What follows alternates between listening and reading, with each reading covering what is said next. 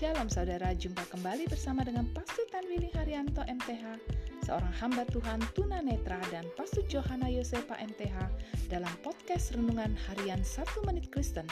Di dalam podcast ini, kami membagikan kebenaran dari Alkitab yang dimulai dari kitab kejadian sampai kitab wahyu.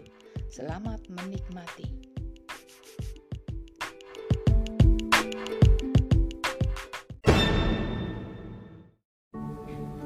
Shalom saudara-saudara yang sangat berharga di hati Tuhan. Firman Allah hari ini mau mengingatkan kepada kita, tetaplah berdoa. Ketika Musa diminta oleh Raja Fir'aun berdoa agar katak-katak itu lenyap dari Mesir, maka Musa melakukannya dengan senang hati, sekalipun Musa pernah dikecewakan oleh Raja Fir'aun tersebut.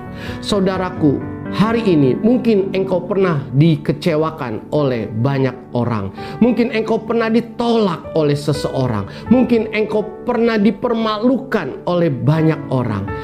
Ingatlah bahwa Allah mau agar kita sebagai anak-anaknya dapat berdoa untuk orang yang telah mengecewakan kita, telah mempermalukan kita, telah menolak kita, bahkan orang-orang yang memusuhi kita. Marilah kita dapat menjadi anak-anak Allah yang dapat menunjukkan kasih Allah dengan berdoa bagi mereka yang telah mengecewakan kita. Amin.